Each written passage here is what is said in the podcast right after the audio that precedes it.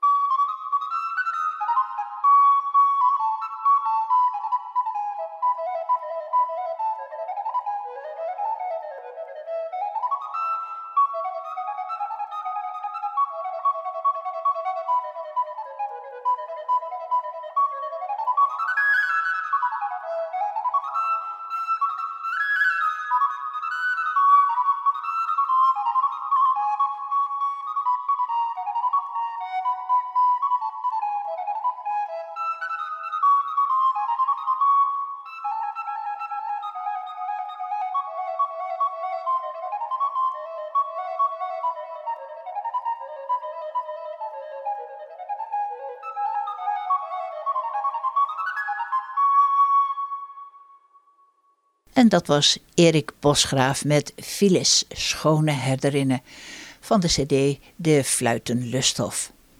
De Japanse duizendknoop is een exoot. Dat wil zeggen, het is geen inheemse plant. En het woekert, zozeer dat het andere planten verdrinkt. En dat is jammer. Marinus Blaak trof stadsherder Dijkema bij de A. Meneer Dijkema, u heeft net de schapen uitgeladen. Doe je dat vaker? Ja, ja, ik laat eigenlijk iedere dag de schapen uit. Ja, ja zo grappig. Ja. Ik laat mijn hond ook uit, maar mijn schaapjes laat ik ook uit. Maar niet iedere dag. Heb ik, op een bepaald moment heb ik ze ergens staan en dan eh, blijven ze daar twee weken. Hoeveel schapen heb je in totaal? Uh, de Almeloze met een hele vette knipoog stadskudde bestaat uit uh, zes ooien en op dit moment zeven lammeren. En dan heb ik nog twee rammetjes ergens lopen. Je hebt zes ooien en zeven lammeren? Ja. Was er eentje met een tweeling bij? Uh, twee met een tweeling zelfs. En eentje had geen lammeren.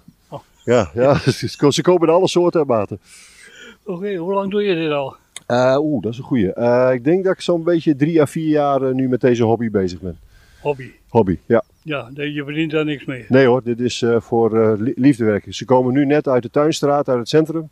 Hebben de lammetjes met schapen gelopen. Nou, en als ik zie hoeveel plezier ik de mensen doe, dan uh, dat, dat is mijn verdienste.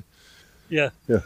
ja de, de, de, de wol levert niks op en, en ja... Nee, nee de wol, wol, dat is wel een verhaal apart. De wol was vroeger nog een... De, nou, als je de scheren betaald kreeg met de wol, of het leverde zelfs nog wat op, was mooi.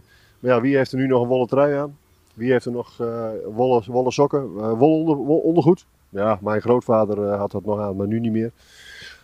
Wol is het zelfs zo dat het helemaal niks meer oplevert. Boeren moeten, de schaaphouders moeten zelfs betalen voor de wol. Om het af te leveren. Ja, en eventueel schapenkaas? Ja, maar dan moet je wel melkschapen hebben. En dit zijn geen melkschapen. Is, nee. Deze leveren net zoveel melk dat het lam groot kan worden, want dit zijn heideschapen. Uh, die, die kunnen van schraal spullen leven, maar dat betekent ook dat ze niet veel melk geven, maar net voldoende om de lammeren groot te brengen. Is dit een bepaald ras? Ja, dit is, uh, ik heb hier een uh, kruising Bentheimer keer Herdwick. En ik heb er een Herdwick ram opgezet. Een Herdwick is een ras dat komt van oorsprong uit Engeland, uit het Lake District.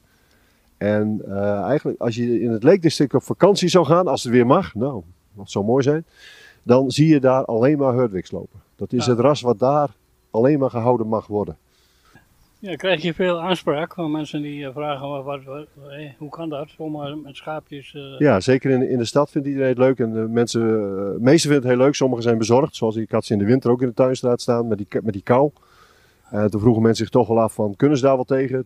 Tegen min 10 en regen en dat ze moeten er geen schuurtje bij. Nou, juist niet, want als je, je zult straks misschien nog wel even in beeld brengen.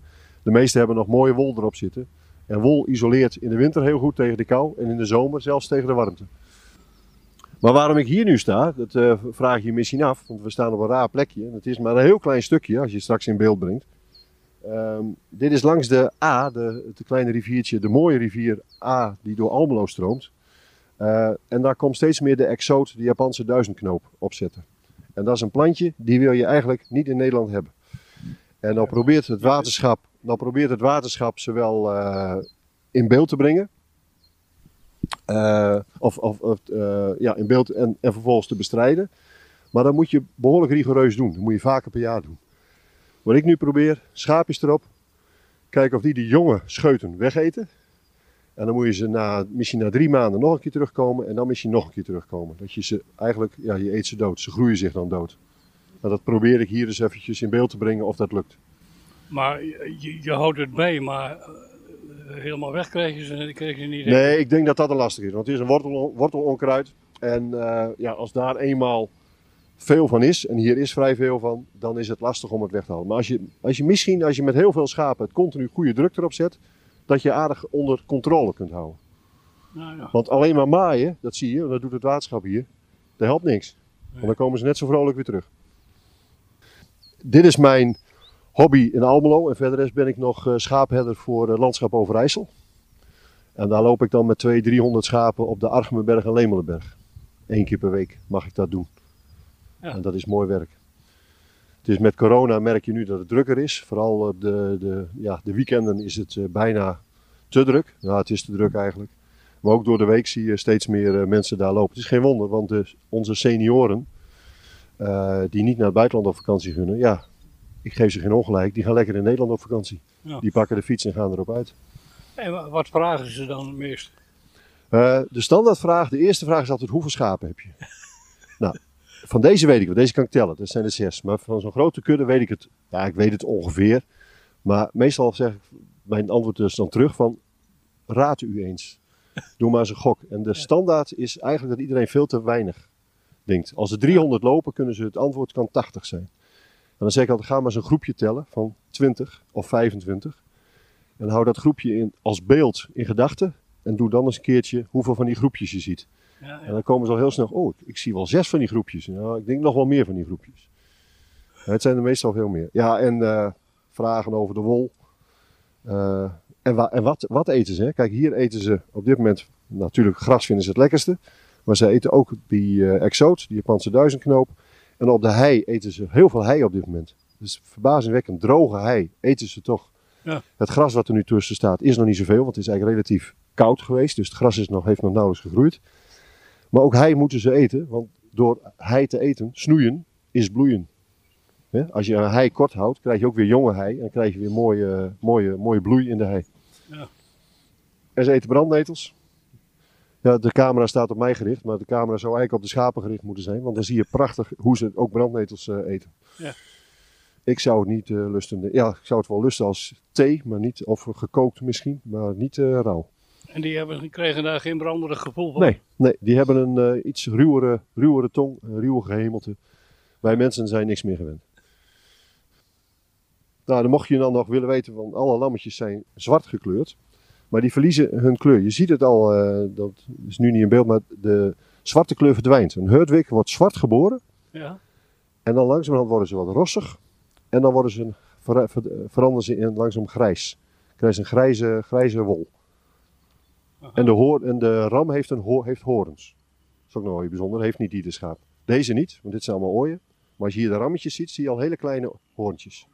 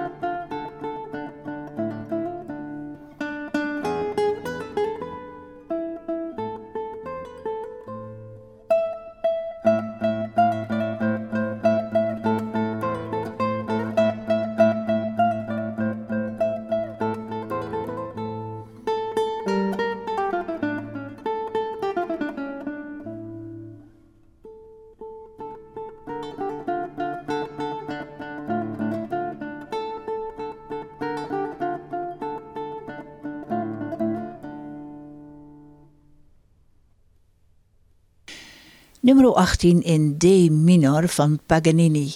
Giribisi heet het en het is gespeeld door Dennis Songo Janssens. Bijna net zo snel als hij vertelt verrest het paviljoen van de stichting Naturus Almelo. Tussen de drukke werkzaamheden door had bouwcoördinator Hans van Gerwen nog even tijd om te vertellen wat er allemaal tot stand is gekomen. Hans, is het uh, met het paviljoen? Nou, uh, ik kan zeggen, we schieten lekker op nu. Oké, we schieten lekker op nu. Alle wanden, wandpanelen, die zitten er inmiddels in. Al een week of wat. Ze zijn betimmerd met regels waar de larixplanken opgezet gaan worden. En wat ik helemaal zelf een heel mooi idee vind. En ook een, dat het een mooi stoere uitstraling heeft. Dat zijn de balken die we nu op de hoeken aan het plaatsen zijn. we hebben zes hoeken natuurlijk bij dit gebouw. En alle zes de hoeken komen van die stoere 20 bij 20 balken te staan. En vier van de zes hebben we geplaatst. Kan je ook vertellen waar die balken vandaan komen en die larixplanten? Zeker. De, de, lang geleden, ik denk ruim tien jaar geleden, hebben we een, een eh, hoeveelheid bomen, ik geloof een stuk of twintig, misschien nog wel meer, van de graaf gekregen van zijn grondgebied. Uh, larixbomen, die hebben een nou, vijf, zes, zeven jaar in het water gelegen zijn daar in 2018 uitgehaald. En daar zijn toen met een mobiele zaaginrichting planken van ruim 3 centimeter van gezaagd. Maar een aantal bomen, boomstukken, daar zijn hele balken eh, in stand gebleven, zeg maar. Die zijn niet op plakken gezaagd. En die blijken nu ineens een prachtige bestemming te hebben, in ieder geval zes daarvan, namelijk op die zes hoekpunten. En die, ja, ik vind het zelf prachtig, want het geeft een hele stoere uitstraling aan het gebouw. Dat is uh, inmiddels ook alweer een week of twee geleden. Uh, zijn we bezig geweest met isolatieplaten eerst op de ruwe betonvloer. Vervolgens zijn daar de uh, verwarmingsslangen op gelegd. Dat was overigens, ik dacht dat dat dagen zou duren, maar dat was in minder dan een dag gebeurd. Dat ging heel vlot. En daarbovenop is de cementdekvloer gestort en gladgestreken. Dat heeft een week moeten drogen. En dat is inmiddels nu ook. Dus nu hebben we een prachtige gladde vloer. En nu, sinds deze dagen, gisteren zijn we begonnen, uh, kun je eigenlijk de contouren binnen bekijken. Waar komen de verschillende ruimtes? Dus de onderbalken, waar de wanden op komen te staan, daar zijn we nu mee bezig binnen. En dat geeft meteen een, een, een, een zicht op hoe is de indeling, waar komt het kantoortje, waar komen de toiletten, waar komt de keuken, waar komt de knutselruimte. Dat kan je eigenlijk nu zien ontstaan. Mensen moeten komen kijken. Uh, ja, uh, niet iedereen mag zomaar vrijelijk het bouwterrein oplopen. Maar als mensen belangstelling hebben, wil ik ze altijd wel graag vertellen wat er uh, gebeurt. En ik mag altijd graag onderstrepen dat dat dus allemaal door vrijwilligers gebeurt. Uiteraard. Zeg, um, uh, wat is het vooruitzicht? Uh, wat gaan we komende maand zien? Um, de komende maand. Nou, we gaan eerst toch vooral concentreren op het binnenwerk.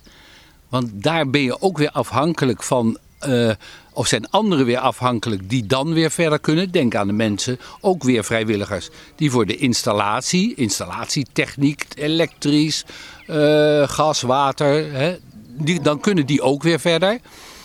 Als we eventjes binnen niet verder kunnen, dan is er altijd buitenom uh, werk genoeg te doen om altijd bij door te kunnen gaan. Dus wij zien onszelf hier niet stilvallen. Er is altijd werk te doen. En uh, heb je daar nog mensen voor nodig? Nou ja, vrijwilligers kunnen we altijd gebruiken. Maar la laat ik het toch heel positief uh, over vertellen. De ploeg die we hebben, een hele betrouwbare, hele enthousiaste ploeg mensen. Die nou, graag komen helpen. En de, echt, we zijn er super blij mee. Ik ben ook apen trots op hoor, dat dat zo is. Ik hoor dat jullie ook behoorlijk verwend worden. Nou, uh, heel essentieel in die hele ploeg vrijwilligers. Dat zijn onze verzorgers, verzorgsters, moet ik dan eigenlijk wel eerlijk zeggen. Geweldig. Iedere dag is er iemand en die zorgt voor de koffie, voor de thee, voor de soep, soms voor de bami. Het is echt prima. En dat doen ze ook met een groot enthousiasme. En dat, dat, dat maakt gewoon de hele sfeer, de hele stemming. Iedereen geniet daarvan. Ook degene die voor ons zorgen. Je ziet ze ook genieten. De hartstikke mooi. Wanneer denken jullie, heel voorzichtig, ja, ik zie je al met de handen bewegen. Wanneer denken jullie ehm, klaar te zijn? Ja, het woord, het woord klaar, dat is toch een heel gevaarlijk woord. maar laten we hopen dat we, dan ga ik heel voorzichtig juli zeggen. Maar ik denk eerder augustus en misschien zelfs september. Dat je in ieder geval binnen, ja, dat je er goed terecht kunt. Of het dan aan alle kanten allemaal klaar is. Er zal nog lang een hoop werk te doen zijn. Maar dat je zegt, we kunnen het gebouw enigszins gaan gebruiken. En dat zou wel mooi zijn als dat nog een stukje zomertijd zou kunnen zijn.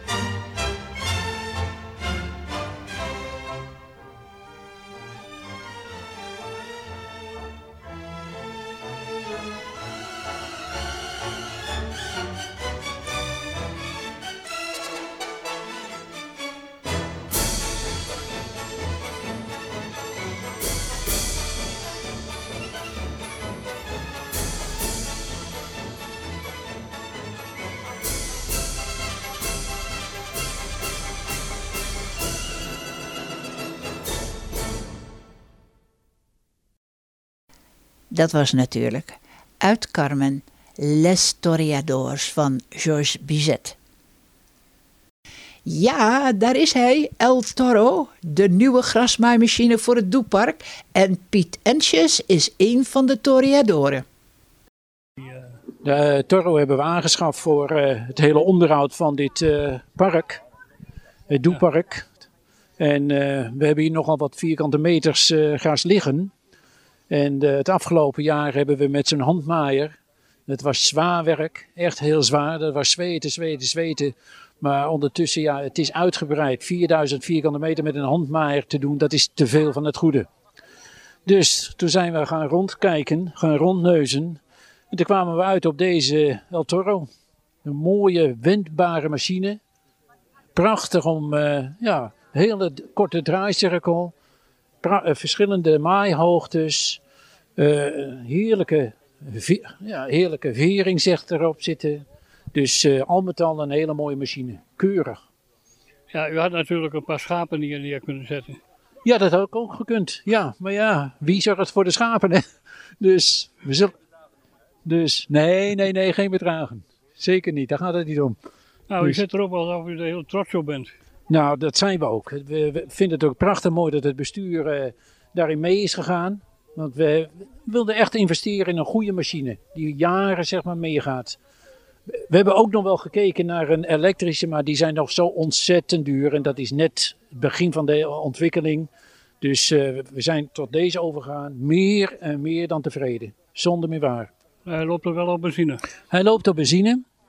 Alleen eh, we zitten straks nog wel even met de stalling, want het paviljoen, dat is nog niet klaar. Daar moet hij binnenkomen. Daar is een speciale materialenmagazijn, zeg maar, voor ons.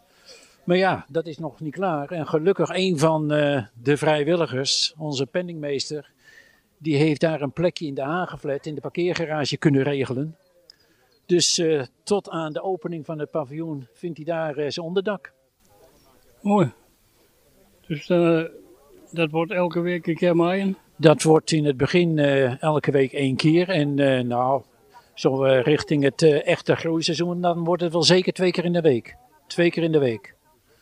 En dan eh, hebben we hier het gezond, we hebben het, toegangspad, we hebben daar het Sint-Jozef terrein, wat we ook dus uh, beplant hebben, maar daar lopen dus ook graspaden doorheen. En uh, daar verder achter richting de Krikkenstraat. Dus al met al zitten we toch zo rond de 4000 vierkante meter. Maar ziet u nu nog kans om hier geld mee te verdienen voor, de, voor het natuurhuis? Nou ja, het maaien natuurlijk niet. Alleen ons, ons doel is natuurlijk om de mensen hier te laten komen en te genieten van het park. En uh, dat zien we eigenlijk al, al, al nou, de afgelopen weken met het mooie weer. Je ziet de mensen hier allemaal komen. Ik wens je er veel succes mee. Ja, dank u wel. Okay. Prima. Het zal zeker lukken.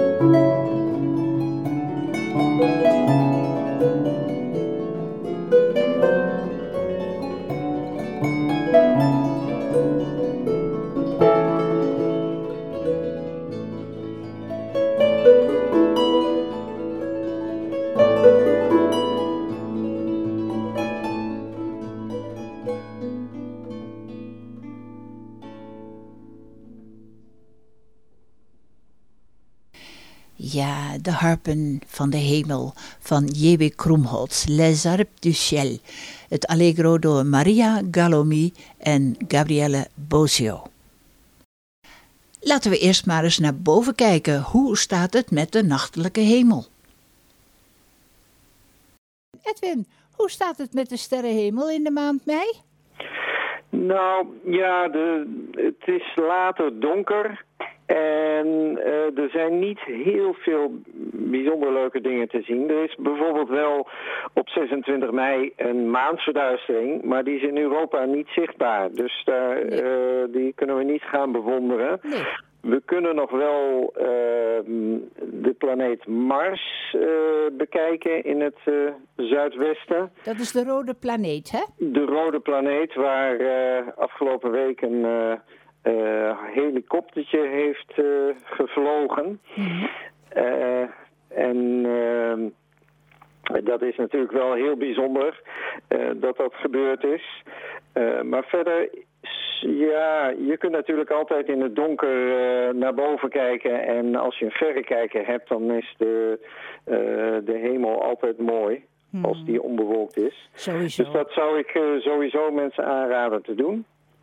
En ehm, ja, de, verder zijn er geen grote planeten te zien. Dat duurt nog een paar maanden. Duurt nog een paar maanden. Nou, laten we het dan eens over Astrona hebben. Hoe houdt Astrona zich overeind in deze coronaperiode? Ja, dat is voor veel verenigingen natuurlijk best uh, lastig. Je kunt niet een sterrenkijkeravond organiseren. Maar wat we wel gedaan hebben, zijn zogenaamde live stackingavonden. En dat is uh, een avond waarbij je met een telescoop en een camera erop naar de hemel kijkt en dan beelden stapelt en die uitzendt. Hé, hey, wacht even hoor. Hoe noemde je dat nou ook alweer? Dat is uh, live stacking. Live stacking. Stacking ja, is stapelen. en dat, dat stacken, dat is het plakken van beelden. Ja. Maar we hebben uh, onlangs ook een uh, uitzending over de maan gehouden. Hm. En dat, was, dat is eigenlijk vergelijkbaar. Een van onze leden die had een sterrenkijker opgezet en een camera daarop en wij hebben via een YouTube-kanaal dat uitgezonden en van alles over de maan verteld. En Mm. mensen die de uitzending volgden, die konden ook uh, vragen stellen. En, Is dat- ja, Is dat nog weer eh, eh, te zien, zo'n YouTube? Of is het alleen maar live, was het? Uh, dit was live. Ik denk dat het nog wel ergens staat, maar dan moet je de specifieke link hebben. En Ja. die zou ik niet zo even weten. uit je hoofd weten, dat Nee. zijn meestal lange dingen. Dat is Ja. zo. Maar ehm, eh, Astrona eh, doet dus live stackingavonden en verzorgt zelfs uitzendingen op eh, YouTube. En eh, Facebook, doen jullie daar ook nog wat aan? Ja, zeker. We ehm, plaatsen wel eens foto's op Facebook die gemaakt worden door eh, mensen van onze club. We hebben eh, momenteel een vrij actieve groep die zich bezighoudt met het fotograferen van zogenaamde deep sky objecten zoals sterrenstelsels en nevels. Oh, ik vind dat zo knap. Ja. Ja, en, uh, we hebben een uh, groep van zeven as- enthousiastelingen en uh, we hebben ook een, een appgroep waar uh, ervaringen uitgewisseld worden. En uh, als iemand ergens een probleem mee heeft, want het is nogal een technisch gebeuren, dan uh, kan die ook toch via die appgroep bij anderen terecht. En uh, zo hebben ons toch nog uh, twee nieuwe leden gevonden die uh, ook geïnteresseerd zijn in astrofotografie. Dus uh, het ledental is toch iets uitgebreid, ja. ondanks de corona. Nou, dat is goed te horen eigenlijk. Ik bedoel, uh, kijk, ik kan me zo voorstellen hoor, dat wanneer je dus thuis moet zijn, dat, dat de astronomie een, een heerlijke uitlaatklep is. S'avonds lekker, hè, als het tenminste mooi weer is, buiten en dan ja, kijken. Want jullie komen niet bij elkaar, neem ik aan. Nee, momenteel komen we niet bij elkaar. We hopen wel dat, dat het toch iets uh, makkelijker gaat worden. En je kunt op een gegeven moment toch, ja, denk ik, als je buiten bent wel... Uh, maar dat dan moeten we gewoon de richtlijnen volgen die de komende tijd naar buiten komen. Maar ik kan me voorstellen dat je wel op een gegeven moment in augustus uh, gezamenlijk op een hele mooie plek de Perseïde gaat bekijken. En dan, dan kun je ook afstand houden. En dat, dat kan uh, allemaal wel heel veilig, je, denk ik. Ja, dan kan je dat regelen enzovoort. Dus het is voorlopig voor jullie online werk? Ja, ja. Dat klopt. En uh, ja, zo is er bijvoorbeeld op uh, 10 juni, dat is dan weliswaar niet in mei, is er een gedeeltelijke zonsverduistering. Hmm. En als we geen mensen kunnen ontvangen om daarna te kijken, dan gaan we dat ook uitzenden via. YouTube. Ja, ja, ja. En hoe, hoe weten mensen dat ze daar moeten komen? Ehm, nou, ze kunnen dat ehm, op de website van ons zien, astrona.nl. Daar staat dat aangekondigd en ook of het inderdaad doorgaat, of het uh, fysiek is, of dat het uh, online is. Mm uh, dus de informatie is daar altijd te vinden. En als mensen sowieso vragen hebben, dan kunnen ze ook via de website in contact met ons komen. Info apenstaartje astrona.nl? Ja.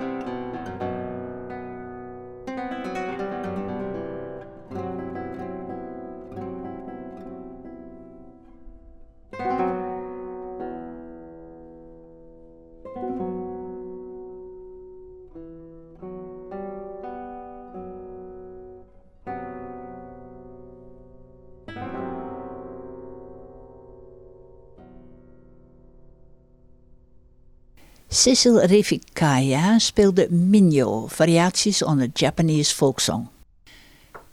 En gaan we naar de haaien? Onze correspondent op Bonaire, Peter Bijsterbos, weet er alles van. In 1975 regisseerde Steven Spielberg de vierde film uit zijn toen nog prille carrière. Jaws was destijds een bloedstollende horrorfilm en was bovendien de eerste film in de geschiedenis die meer dan 100 miljoen dollar opbracht. De film miste zijn impact niet en zorgde ervoor dat decennia lang mensen bevreesd waren om zomaar de oceaan in te plonzen. Jaws is de verfilming van het gelijknamige boek van Peter Benchley. Deze Amerikaanse schrijver kreeg later spijt van de manier waarop hij de witte haai neerzette als een moorddadig dier dat het vooral op mensen heeft gemunt. En dat komt totaal niet overeen met de werkelijkheid. Jaarlijks worden er wereldwijd ongeveer 60 aanvallen van haaien op mensen gemeld, waarbij een handjevol mensen overlijdt aan de verwondingen. Incidenten tussen haaien en mensen blijven fascineren en intrigeren en worden daarom breed uitgemeten in de pers. Journaals en kranten openen ermee. Begin december 2010 ging het bijvoorbeeld gruwelijk mis in Sharm el-Sheikh, een idyllische badplaats op het Egyptische schiereiland Sinaï in de Rode Zee. Daar begonnen spontaan doldwaze witpunthaaien in de ledematen en rompen van nietsvermoedende zwemmers te happen. Daarbij moest zelfs een Duitse vrouw van 70 jaar het leven laten, nadat haar rechterarm en rechterbeen waren opgepeuzeld door zo'n vraatzuchtige roofvis. De Egyptische autoriteiten waren in grote paniek en verboden direct strand- en waterrecreatie in Sharm el-Sheikh en liquideren bovendien de vermoedelijke boosdoeners. Maar eind december van dat jaar kwam er alweer witte rook uit de schoorsteen en mochten de toeristen de stranden weer massaal bezoeken en verkoeling zoeken in de Rode Zee. Een zee die twee weken daarvoor nog fel rood kleurde van het menselijk bloed. Als we op Bonaire te water gaan, moeten we dan voor ons leven vrezen? Het antwoord is nee. Als je in de Caribische Zee duikt, is de kans heel klein dat je haaien op je pad treft. Liefhebbers van deze machtige roofvissen moeten daarom elders in de wereld gaan zoeken. Het zuidelijk deel van de Grote Oceaan is daarbij een prima keuze. De kans dat je daar haaien zult zien is heel groot. De hamerhaai, verpleegsterhaai en zandhaai zijn de haaiensoorten die sporadisch voorkomen in de wateren van Bonaire. De kans op een ontmoeting met deze haaien is het grootst aan de oostkust van het eiland. Aan deze kant is de noordoost-passaatwind nog op volle snelheid en jaagt hij de golven meters hoog op. Door al dit geweld ontstaan er krachtige onderwaterstromingen aan deze kant van Bonaire. Haaien zijn dol op deze watercondities en hebben feitelijk deze stromingen nodig om te kunnen leven. De westkant van Bonaire ligt daarentegen in de dekking van het eiland en kent dus veel minder natuurgeweld. Bovendien wordt de Caribische Zee aan beide kanten van het eiland al vrij snel diep vanaf de kustlijn. Haaien vinden het doorgaans prettiger als de overgang van ondiep naar diep water wat geleidelijker verloopt, zoals bijvoorbeeld op de Bahamas het geval is. Dus dit pleit ook al niet voor de massale aanwezigheid van haaien op Bonaire. Maar soms heb je als haaienliefhebber geluk op. Op dat moment laat een walvishaai zijn tomtom langs het Nederlandse duikeiland sturen. Walvishaaien gebruiken het aardmagnetische veld om te navigeren door zeeën en oceanen. Het hele eiland is dan een rep en roer en iedereen plonst het water in om een glimp op te vangen van deze vriendelijke en uiterst zeldzame zeereus. De walvishaai is de grootste vis ter wereld. Het diertje kan 18 meter lang worden en het astronomisch gewicht van 15.000 kilo bereiken. Om zijn maagje te vullen slurpt de haai maar liefst 6000 liter met plankton verzadigd zeewater per uur op. Gelukkig zijn walvishaaien ongevaarlijk. En het blijft natuurlijk een onvergetelijke ervaring om zo dicht bij zo'n grote vis te zwemmen. Daar word je als mens heel klein van.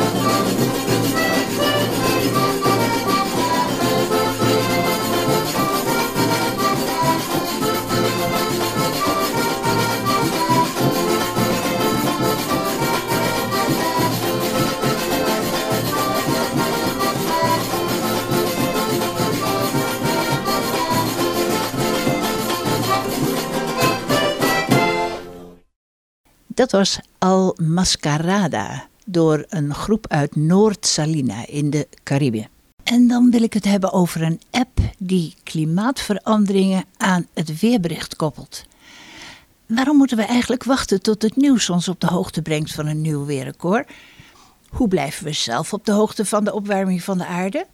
Nou, met die vragen in het achterhoofd gingen Wouter, Jan, Paul, Roelof en Dennis aan de slag onder de naam Thermomate. Je schrijft dat gewoon thermomaten. Samen ontwikkelden ze een app en een fysieke klimaatmeter, waarop iedereen op ieder moment van de dag kan zien hoe het weer zich verhoudt tot het weer van voorgaande jaren. En op deze manier probeert het viertal klimaatverandering op een laagdrempelige manier in beeld te brengen. Het idee voor een app ontstond toen een van de bedenkers zich afvroeg waarom er eigenlijk alleen over klimaatverandering wordt gepraat als er een temperatuurrecord de voorpagina haalt. Waarom is klimaatverandering niet veel meer verweven in ons alledaags praatje over het weer? Nou, deze vragen, de wetenschap dat praten over het weer diep ingebakerd is in de Nederlandse cultuur en wat extra tijd vanwege het uitbreken van de coronacrisis, die zorgden ervoor dat Thermometer het levenslicht zag. Met de app moet het makkelijker worden om met dat dagelijkse praatje over het weer ook het gesprek over klimaatverandering te openen, zonder met het vingertje wijzen of mensen angst aan te jagen. Bewustwording creëren op de lange termijn, dat is het doel. Naast het ontwikkelen van een app onthulde het viertal half oktober ook de eerste fysieke klimaatmeter van Nederland in het centrum van Groningen, waarop een voorbijganger in één oogopslag kon zien of de actuele temperatuur normaal was voor deze tijd van het jaar. We willen uiteindelijk dat mensen zelf een stapje verder gaan en trends ontdekken in het actuele weerbericht. Als het bijvoorbeeld voor de zevende dag op rij net zo warm is in Nederland als normaal in een Zuid-Europese stad, dan kun je jezelf een conclusie aankoppelen. We hopen zo dat het bewustzijn omtrent klimaatverandering hierdoor vergroot wordt. Met hun motto: Bewustzijn is de smeerolie tot verandering, proberen ze bij te dragen aan het tegengaan van de opwarming van de aarde. We zijn te nuchter om een daadwerkelijk getal te hangen aan onze impact in dit stadium, maar geloven dat een toenemend bewustzijn zal leiden tot een verandering in gedrag. Daarnaast hopen wij vooral om een grote groep mensen handvatten te bieden om het gesprek over het klimaat net zo makkelijk te starten als het gesprek over het weer. De app biedt ook de mogelijkheid om meteen bij te dragen aan een oplossing voor de toenemende klimaatverandering. Door het organiseren van challenges bijvoorbeeld, of door via Trees for All meteen een boom te planten terwijl de bedenkers van de app werken aan een heus Thermomate Bos.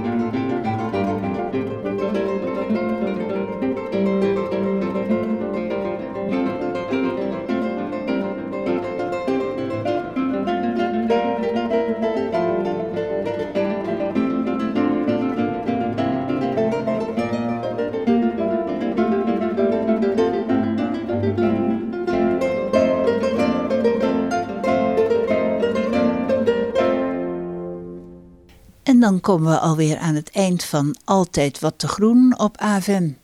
Dank aan Stefan Severin voor de muziek en Marinus Blaak voor de interviews. We gaan eruit met The Days of Decision van de plaat I Ain't Marching Anymore door Phil Oggs uit 1965. Het doet denken aan The Times They Are Changing van Bob Dylan. Ook uit die tijd, maar niet minder actueel nu. Joe Biden neemt besluiten, Amerika doet weer mee en nu Nederland nog. Deze uitzending is nog eens te horen op zondag 2 mei van 7 tot 8 uur s avonds. Ik ben er weer volgende maand op woensdag 26 mei om 8 uur. Tot dan. Oh, the shadows of doubt are in many a mind. Looking for an answer they're never gonna find. But they better decide, cause they're running out of time. For these are the days of decision. Oh, the games of stalling you cannot afford. Dark is the danger that's knocking on the door. And the far reaching rockets say you can't wait anymore. For these are the days of decision. In the face of the people who know they're gonna win, there's a strength that's greater than the power of the wind. And you can't stand around when the ice is growing thin. For these are the days of decision. I've seen your heads hiding neath a blanket of fear. When the paths they are plain and the choices are clear. Oh, with each passing day, boys, the cost is more dear. For these are the days of decision. There's many a cross that burns in the night, and the fingers of the fire are pointing as they bite. Oh, you can't let the smoke keep on blinding all your sight, for these are the days of decision. Now the mobs of anger are roaming the streets. From the rooftops, they're aiming at the police on the beat. And in city after city, you know they will repeat. For these are the days of decision. There's been warnings of fire, warnings of flood. Now there's a warning of the bullet and the blood. From the three bodies buried in the Mississippi mud, saying these are the days of decision. There's a change in the wind and a split in the road. You can do what's right, or you can do what you are told. And the prize of the victory will belong to the bold. For these are the days of decision. Yes, these are the days of decision.